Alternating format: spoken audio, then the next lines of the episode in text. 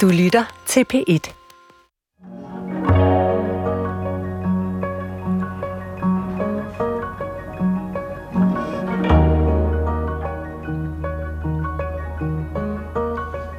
Hej.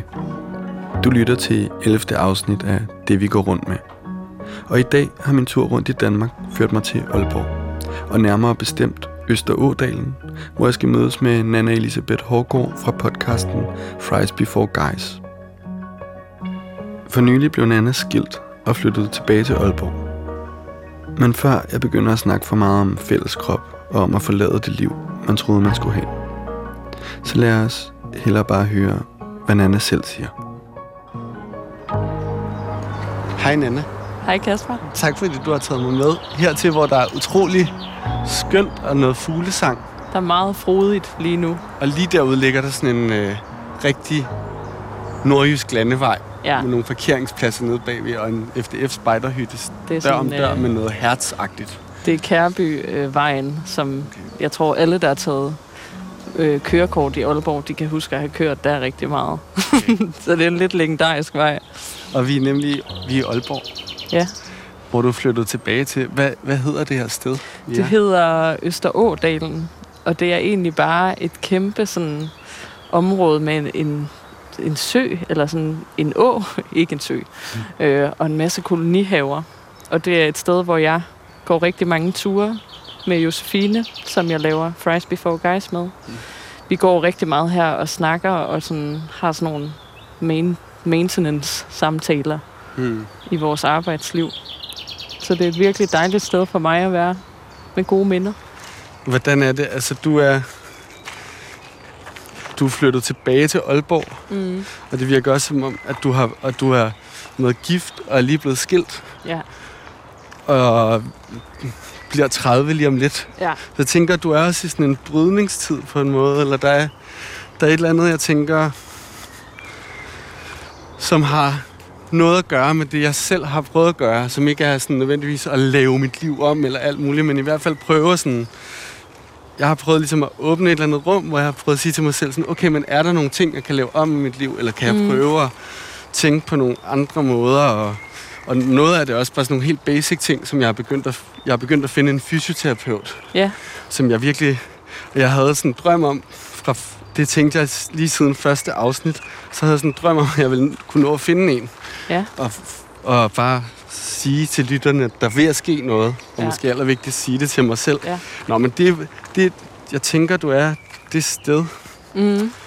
Hvordan tænker du egentlig selv om det med at være flyttet tilbage? Eller sådan, altså, tænker du, at du er flyttet hjem?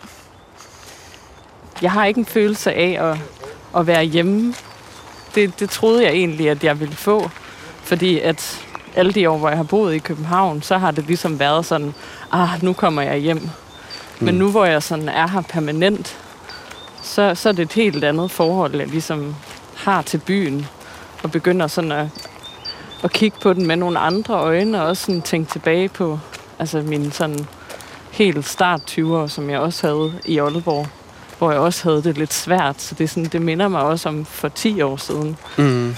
Så det er sådan, øhm, som jeg også sagde til dig, inden vi startede, så er, det, så er det specielt det der med at skulle tale om noget, som jeg står midt i lige nu, Mm. som er så, øh, altså så overvældende, ligesom. Mm. Som er sådan en kæmpe livsforandring, som jeg lidt bare føler er sket, uden at jeg...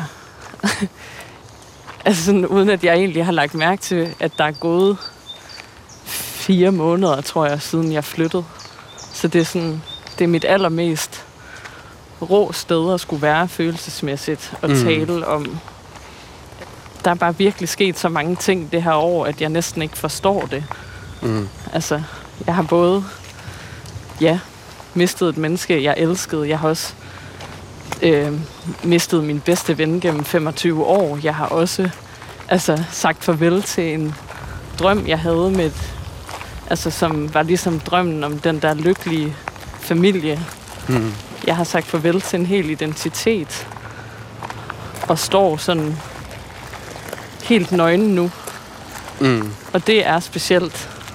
Og så blive 30 lige om lidt og føle, at jeg, jeg, jeg ved, altså, Altså føle sig fuldstændig sådan rå og nøgen og altså. Er det også sådan, du... Øh, altså, når du siger det med, at du tænker tilbage på, da du så var i 20'erne, ja, så tænker jeg på, har, er det også sådan en følelse af, ligesom at, og, så, og så komme til at tænke på sådan, okay, da jeg var i 20'erne, så havde jeg virkelig troet, at jeg ville være et andet sted ja, i slutningen af 20'erne, eller når de skulle være forbi. helt klart. Ja, altså jeg har virkelig øhm, forholdt mig meget til det der med, altså fordi jeg er fra en skilsmissefamilie. Min mor og far blev skilt, da jeg var ret lille. Så jeg har hele tiden ligesom, det tror jeg måske er klassisk skilsmissebarn sagt, det der med at tænke, jamen, så skal jeg bare noget helt modsat, og jeg skal bare få den der lykkelige kernefamilie, og det skal ske inden jeg bliver 30, og sådan nogle forestillinger har jeg jo også haft ekstremt mange af. Øh, og tænkt, at, at jeg skulle gøre det fuldstændig. Wow, Ui, der er en kæmpe, et kæmpe får. en masse... Der er mange Der er mange får. får. Nå.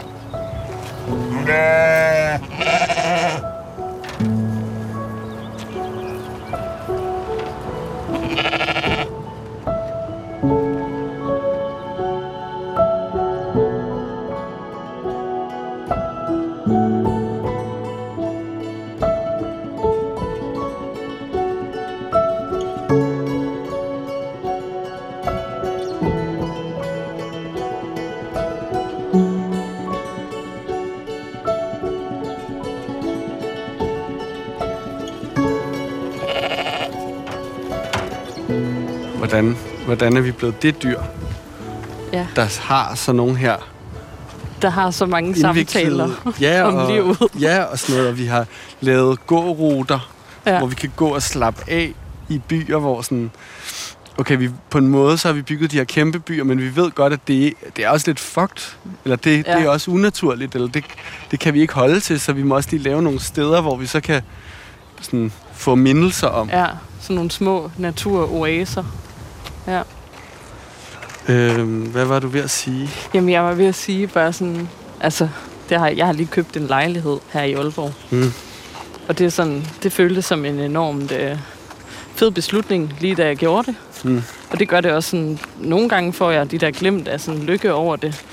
Men mest er jeg bare sindssygt skræmt, fordi, sådan, fordi jeg forestiller mig selv sidde derinde til efteråret. Og så være i den der fysiske firkant, Mm. som jeg har sat mig selv i. Og så føle mig fanget, eller sådan. Og det, øh, jeg ved ikke hvorfor, at det sådan, det der fysiske bevis, det på en måde skræmmer mig at skulle hen i det. Og jeg er altså sådan, jeg har bare fundet ud af, at livet, det er bare fucking brutalt. Altså, og det er måske sådan, nå, ej, okay, hvordan kan det komme som overraskelse for dig? Mm. Men, øh, men det, det gør det bare. Det, det, jeg synes bare, at det er skræmmende, at det er sådan, åh, hvor er der stadigvæk meget, jeg skal lære, selvom jeg bliver 30. Og Mm. hvor skal livet også bare gøre ondt nogle gange. Og, og alting kan blive vendt på hovedet. Og hvad er det bare super utrygt. Men hvor er det også bare vildt, at man kan overleve det. Fordi, ja. altså, fordi i februar, marts måned, der tænkte jeg sådan, altså jeg dør af sorg. Jeg Mm. kan ikke klare det her. Mm. Jeg kommer ikke til at få det godt igen, eller jeg kommer ikke til at... Mit liv føles som ingenting. Og det er jo bare, det er jo kun 3-4 måneder siden. Mm. Og nu går jeg her og føler sådan, okay, jeg har overskud til at tale om de her ting. Mm. Det kan godt være, at jeg bliver super ked af det, når jeg kommer hjem og får en kæmpe, et kæmpe humørsving, som jeg har rigtig meget af de her dage. Mm. Men jeg klarer det. Ja. Kan du prøve noget- at sige noget om, hvordan du har det fysisk i din krop? Eller? Ja. Altså, Bare... Mm. jeg tror sådan, det, det er lidt sjovt, for jeg kommer sådan til at tænke lidt på sådan, øhm, tidligere, når jeg har haft det svært, hvad jeg så gør med min krop. Mm. At jeg sådan, så kunne jeg godt finde på, da jeg var yngre, og tænke, nu skal jeg øhm, for eksempel gå på en slankekur. Eller sådan, og det har jeg tænkt tit over det der med sådan, at nogle gange virker det som om, at i kriseperioder, så har man brug for at have en eller anden form for kontrol over kroppen, og hvad Ja. kroppen mærker og sådan noget. Og jeg tænkte også med det samme, da jeg ligesom flyttede hjem. Nå, men så kan jeg jo få et eller andet slankekursprojekt. Og det er Mm. sådan så mærkeligt, fordi jeg har slet ikke tænkt sådan i mange, mange år. Og jeg hader jo den slags, og jeg taler jo om hele tiden, hvor lidt man skal gøre det. Men alligevel så bliver jeg også ligesom fanget af den tanke og tænker Mm. mm. sådan, så kan jeg placere min krop i det, og så kan jeg have den kontrol over min krop. Fordi hvis jeg bare, hvis jeg bare skal være i min krop, så virker det næsten for skræmmende. Hmm. Så det er sådan, det første, jeg kommer til at tænke på, er sådan en kropslig flugt. Og også sådan noget som, altså, når man er ked af det, eller når jeg er ked af det, så det der med sådan at behandle kroppen som lort, kan også nogle gange være en tryghed. Sådan, Mhm. mm. Så skal jeg ryge en masse smøger, Ja. så skal jeg drikke en masse, så skal jeg sådan, ja, sådan ideen om Øh. at slå sig løs. ja, Eller, og bare sådan smadre sig selv på en måde. mm. Det kan der være en eller anden underlig tryghed i, selvom man jo gør det helt modsatte og gør noget vildt dårligt for sin krop. For mig, så tror jeg, at der har været noget, hvor jeg har... Det er som om køerne følger med os vi, ude på den her sådan åben vid. Ja, de galopperer sammen med os. Øh, men altså, jeg har været... Jeg har nemlig været, været så træt af det med, okay, men hele min, min krop er jo et konstant arbejde, hvis den skulle være det. Ja. Så på et tidspunkt, da jeg var omkring sådan 18, så sagde jeg bare til mig selv, nu behøver jeg ikke at gøre de her ting. Nu skal jeg bare fokusere på at have det sjovt, og så ja. ikke tænke på, hvad der sker, hvis jeg ikke træner. Og så kan jeg bare mærke sådan, nu er det kommet tilbage. Eller nu er jeg sådan, nu er jeg et sted, hvor jeg også er sådan, okay, men ja, jeg kan ikke bare smadre min krop. Nej, Og især fordi der er nogle mennesker ved siden af mig, tror jeg, er noget, jeg er begyndt at tænke meget over. Sådan, at det også handler om en fælles krop mm, som jeg er en del af, og som jeg tager vare på. Ikke sådan for andres skyld, det synes jeg er sådan en irriterende måde at snakke om det på, men også bare sådan for, at, for mig selv sammen med andre, ja, for at kunne være noget andet. ja. Øh, Men det er jo også, altså, det er jo også en, en vildt sund måde at tænke om sin krop på. Altså det der med, når man, jeg skal passe på, altså sådan, jeg skal føle mig sund, og jeg skal føle mig godt tilpas, og altså der, der er så stor forskel på det, og så den der slankekurs ting, som jo er netop at smadre ja. på en måde. Men, der, men der er også kort derover, ikke? Fordi ja, Ja, det er også det, jeg kan blive træt af. Det er så sådan, der er meget kort over til at så blive sådan en velfærdsstatssoldat på en måde, som sådan holder sig sundt for statens skyld. Ja, ja, men det er også rigtigt. Det er også til den der dobbelt ting. Det er sådan en balancegang, som jeg også tror mange omkring de der 30 år løber ind i det der med sådan, jeg, jeg bliver også ældre, og hvad er sundt for mig? Og, Mm. altså fordi jeg kunne også sådan få det helt modsat, sådan, jeg skal aldrig nogensinde tænke på, at det jeg spiser, skal jeg få det godt af. Altså Mm. sådan, jeg har været igennem sådan en stor rejse med det. Mm. Altså, og, og kunne nærmest tænke sådan, jamen jeg må slet ikke spise noget sundt, fordi så gør jeg du? noget. Ja, så, så svigter jeg på en eller anden måde, både mig selv og... Men jeg, men jeg tænker på det der med, med den fælles krop, ikke? Ja. Eller sådan at, at være ved siden af, så, så tænker jeg også på, at der er også noget med det her med, at I er gået fra hinanden. At det er, vi har jo sådan et sprog om det, Ja, som virkelig er meget sådan øh, brud, gå fra hinanden. Hvad er der mere? Der er alle mulige. ja som, Og- som og ligesom siger beskriver sådan- noget fysisk. Ja, og, eller det gik i stykker og Ja. sådan noget, ikke? Altså, Jo. øh, eller man føler sig ødelagt. Jeg tænker også, der er på en eller anden måde noget med, at sådan standardmåleenheden er to personer sammen. Mm, Vores idé om det normale menneske i 30'erne er sådan et menneske, der er sammen med et andet menneske. ja, det er rigtigt. Det er så rigtigt. Jeg har også sådan... Altså, jeg har talt meget med min mor om det her med sådan retorikken i, når der er sket noget dårligt, for Mm. eksempel for mig. At Mm. så, øhm, så har jeg enormt meget brug for, at vi fokuserer på, på mig som person, og ikke sådan... Altså, hun har for eksempel, af det bedste hjerte, jeg elsker min mor, sagt sådan, ej, men han har jo ødelagt dig. Og det er sådan, så har jeg haft brug for på en eller anden måde at sige, "Men jeg kan ikke ødelægges. Mm. Et andet menneske kan ikke komme og ødelægge mig. Mm. Jeg er mit eget menneske. Mm. Og nogle gange så, altså sådan, jeg tror det er rigtig meget med, hvordan man sådan ser på sig selv, fordi jeg har haft en virkelig hård barndom. Altså sådan meget, meget hård. Mm. Omsorgssvigt, alt muligt, forfærdeligt. Mm. Øh, og der, der tror jeg bare på en eller anden måde, jeg har fået vendt det om gennem mit levede liv, til at det føles som, som om, at jeg ikke er noget offer for de ting, jeg har været udsat for. Altså, jeg tror også, at man nogle gange, det der du siger med den, med den hele krop, at man er flere, der hænger sammen på en måde. Mm. At nogle gange, så kan man jo også gøre det, som, som føles godt øh, for den fælles krop.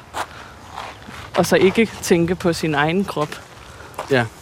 Altså, det, så synes jeg tit, det er, hvis man er i et forhold, der er dårligt for en, så kan man bagefter tænke, hvad er det egentlig, jeg har gjort ved min krop? Mm. Jeg har jo investeret den for det fælles, men, men det var ikke det rigtige. Hvorfor kunne jeg ikke mærke det på det tidspunkt? Selvom at min krop for eksempel har sendt mig en hel masse signaler gennem efteråret og vinteren. Mm. Hvorfor har jeg så ikke, ikke draget omsorg for den? Hvorfor har jeg kun tænkt på det fælles? Vil du fortælle, hvad det er for nogle signaler? Eller helst ikke, Øhm, jo, altså så er det sådan, tænker du på? det er for eksempel en, altså en knugende følelse i maven, Mm. der minder sådan om den hjemme, jeg kunne have som barn, når jeg for eksempel ikke skulle se min mor i en uge. Det er typisk tegn for mig på, at der er noget galt. Så ved, så får jeg den der maveknude. Og det er sådan... Den har jeg helt tydeligt ikke reageret på. Og så har jeg tænkt sådan, Nå, jamen, øh, jeg skal bare overleve i det her. Øhm, lad, mig, lad mig begrave mig i arbejde, eller lad mig tænke på noget helt andet.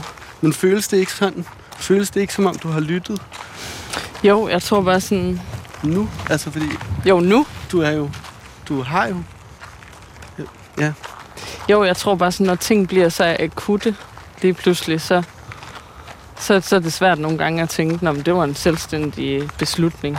Eller sådan, Mm. "Nå, det var mig, der lyttede til mig selv. Ja. Fordi det er bare sådan, hov, øh, jeg skal lige have flyttet alle mine ting fra København, og det skal bare ske nu. Så er det sådan, hvem har egentlig taget den beslutning? Ja. Altså,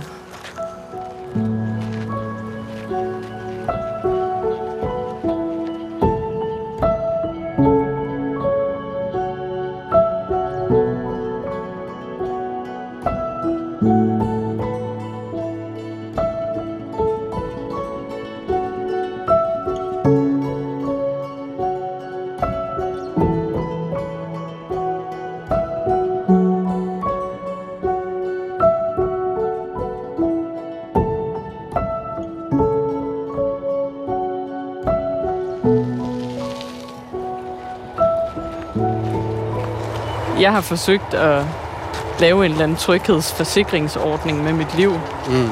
og så har jeg bare på brutal vis fundet ud af, at det kan man aldrig gøre. Så Mm. fuck mig, jeg er bare et lille lorte menneske. Altså sådan, det er mere sådan. For mig er det ikke sådan en filosofi, som jeg vil give videre. Det er bare sådan, for mig er det en overlevelsesstrategi. Mm. er der andre ting, du sådan gør for at overleve for tiden? Eller altså... Ja. øh, altså sådan konkret, så er det, hvis jeg for eksempel får overload, så kører min mor mig ud til McDonald's, og så får jeg en, øh, en sundae is med chokolade. Okay. Det er, det er en meget konkret ting, men det har jeg tænkt meget over, hvorfor jeg sådan... Det, det er sådan nogle underlige, barnlige ting, der giver mig tryghed, eller sådan, der giver, gør, mm. at Mm. jeg føler, at jeg kan overleve lige nu. Ja. Også sådan noget som at se en masse film med Tom Hanks. Altså sådan noget, Ja. du ved sådan, at jeg sådan prøver at gøre plads til nogle lidt barnlige idéer. Mm. Og sådan forestille mig ting på sådan en lidt filmisk måde. At når jeg kommer ind i min lejlighed, så skal jeg bare have naturvinsabonnement, og jeg skal have en, lækker kaffemaskine, og sådan, Mm. sådan nogle mærkelige, trygheds, børneagtige ting. Men jeg tænker ikke, at det nødvendigvis er et barnligt rum, det du beskriver, det med at køre til McDonald's. Det er også noget med, der er også et eller andet i det der mor og datter i bilen, ud, kun for at hente en Sunday, som er sådan den dumme lille handling. Ja, Altså apropos det med planen. ja. Altså sådan at gøre, at, at gøre for meget ud af noget. Ja, det er rigtigt. Ah, ja. Og det er sådan, det begyndte at blive sådan en ting, fordi så, der var et eller andet problem med min lejlighed, der jeg har købt. Mm. Og så sagde min mor sådan, skal vi køre ud til McDonald's? Du ved, det er blevet, det er blevet sådan en ting, hvor folk er sådan, skal vi lige gøre det? Altså når jeg sådan får nedsmeltning. Okay. så nærmest ligesom, altså nærmest sådan ligesom, at en smøg kan være en voksen sut. Ja. Så er der en hel masse Det er jo ting. det, jeg har jo gået og røget. Det er jo helt klart voksen sut, Ja. lavet de her ting. Så det er sådan, jeg føler, at jeg, har, jeg sådan, tager mig selv, jeg giver mig selv friheden til at have tusind voksensutter. Sagde du, sagde du noget, Kim? Skal du have clean? Men det var længe siden. Det var de, det var de brogede køer kontra de røde køer. Kan jeg næsten ikke høre, hvad du siger? Nej, det er længe siden. Det var det med de brogede køer kontra de røde køer, men det er for sent. Okay. Nå, jamen, jeg kan bare lige sige det. Nej, det er lige meget. Nej, jeg sagde, nej, øhm, Jeg kan bare sige... jeg vil gerne have noget clean sound her i det her environment. faktisk. Okay, men nu siger jeg lige den her sætning, som du bare kan klippe ind i et nogenlunde toneleje. Det her, de, de brødkør, som Knud Romer, han faktisk var jaloux på i program nummer to. Fordi det er dem, der får lov at hænge ind i Folketingssalen, men det er ligesom, men billedet er malet ned på Lolland, og der var han meget sådan, her har vi røde køer. Vi har ikke de Ah. her brøde køer. Så det er dem her. Det er, de, det er ko-skønhedsidealet, vi kigger på. Så kan du bruge det. Ja, ja. Genialt. Det er sådan noget klipper, klipper, klipper og dobbelt. Ja. Men du får lige et minut.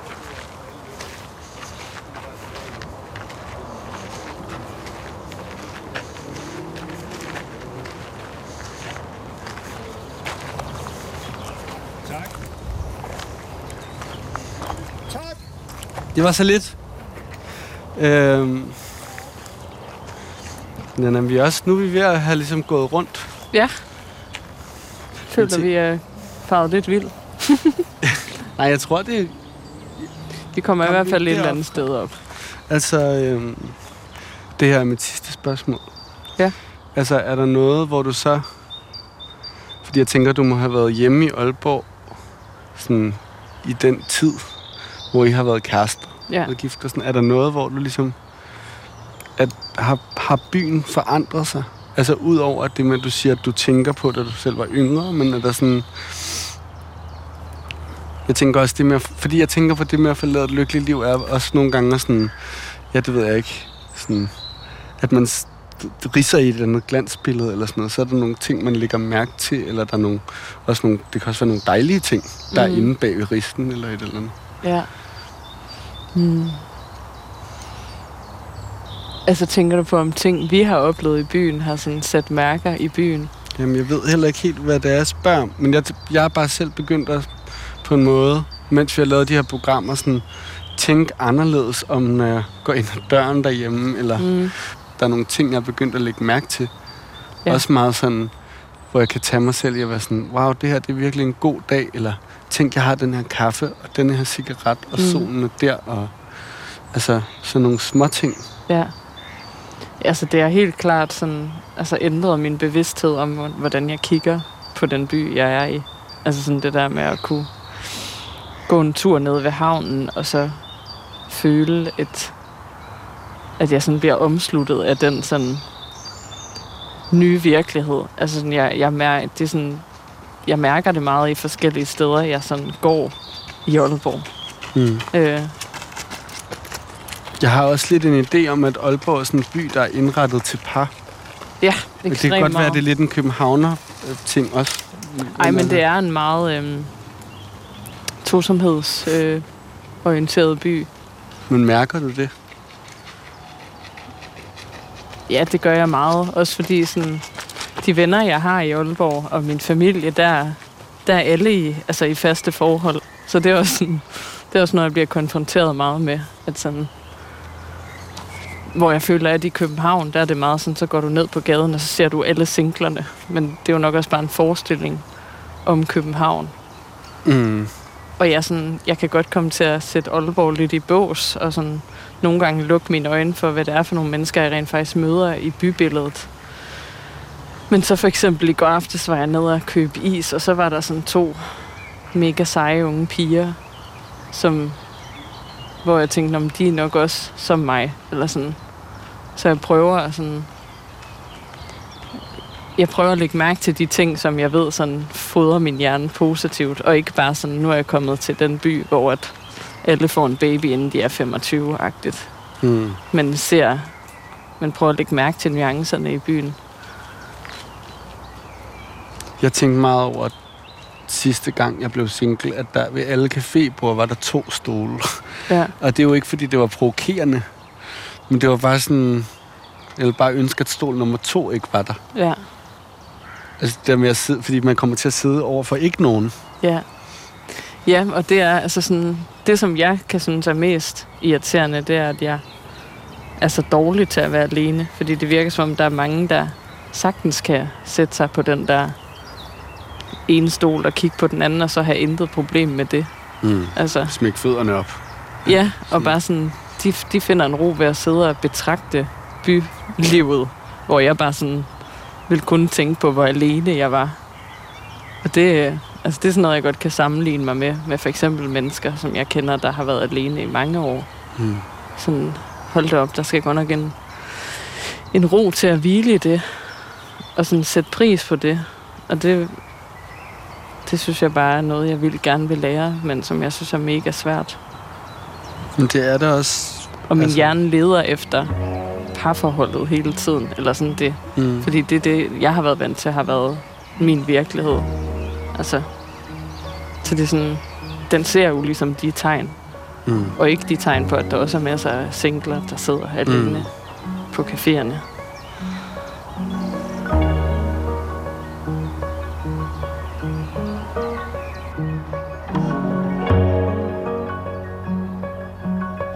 Jeg tror, det giver mening for mig, det Nana har gjort. At nogle gange må vi simpelthen forlade vores idé om det lykkelige liv.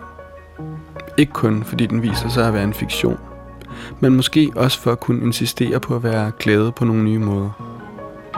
Øve os i at være alene.